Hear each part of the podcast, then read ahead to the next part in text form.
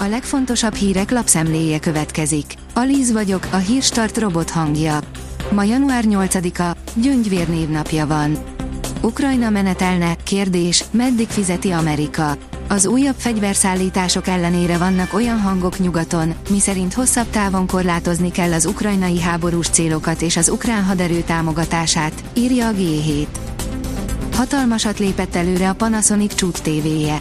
A Panasonic idén emeli a tétet, hiszen a mikrolencsés OLED panelt használó MZ2000-es csúp TV a gyártó ígérete szerint 150%-kal nagyobb fényerőre képes, mint az elődei, áll a 24.hu cikkében. Dániában véget érhetett a klasszikus bankrablások kora, írja a Fintek. Dániában a tavalyi volt az első év, amikor nulla bankrablás történt az ország területén. Mindez elsősorban a digitális átállásnak köszönhető. A napi.hu írja, beindult a szülésturizmus, az úti cél Argentína. Az ukrajnai háború kezdete óta jelentősen megugrott azoknak az orosz nőknek a száma, akik a vízummentes utazás ritkaság számba menő lehetőségét kihasználva a dél-amerikai országba utaznak, hogy ott szüljék meg gyermeküket. A Noise szerint Harry Herceg 25 emberrel végzett Afganisztánban. Szinte minden napra jut egy két morzsa Harry memoáriából, amely a tartalék címet kapta. A könyv január 10-én jelenik meg, de Spanyolországban kiadták, így a brit sajtó tud mazsolázgatni a fejezetek között. Az Infostart szerint kedvelt helyek zárnak be a Balatonnál. Az év végi, megváltozott ünnepi nyitvatartási rend után a Balaton felvidéki Nemzeti Park igazgatóság több látogatóhelye zárva maradt tavaszig. A magyar mezőgazdaság teszi fel a kérdést, valójában mennyi a túl sok só. Mindenkinek szüksége van egy bizonyos mennyiségű nátriumra, de a túlzott sófogyasztás ismert kockázati tényezője a magas vérnyomásnak, ami önmagában számos más krónikus betegség, köztük a szívbetegségek kockázati tényezője is. Laptop kell szélvédő cseréhez. Mutatjuk, miért.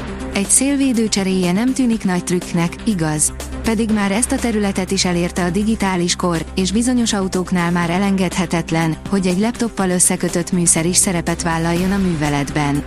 A mestermunkában mutatjuk a részleteket, áll a vezes cikkében. Amikor a világ két menő fiatal séfje összefog. Lassan kezd kicsit unalmassá válni, hogy rengeteg európai séf Ázsia felé fordul új inspirációkért. De hogy néz ki ez fordítva, áll a Forbes cikkében. Több száz katonai járművel és rakéták ezreivel segíti Ukrajnát az Egyesült Államok. A 3,75 milliárd dolláros új amerikai támogatási csomag részeként 50 gyalogsági harci jármű és több száz más katonai jármű érkezik Ukrajnába, áll a magyar hírlap cikkében.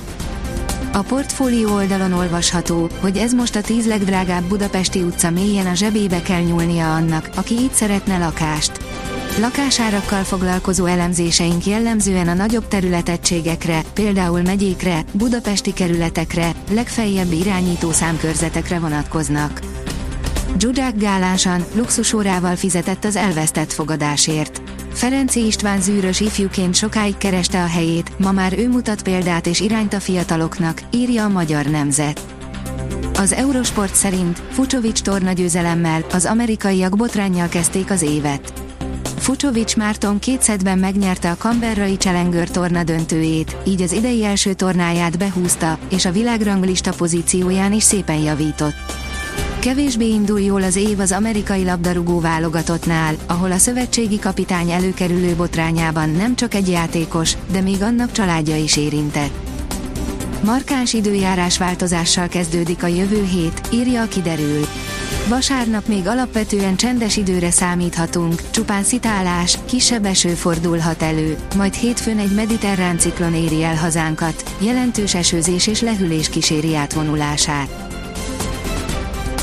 A Hírstart friss lapszemléjét hallotta.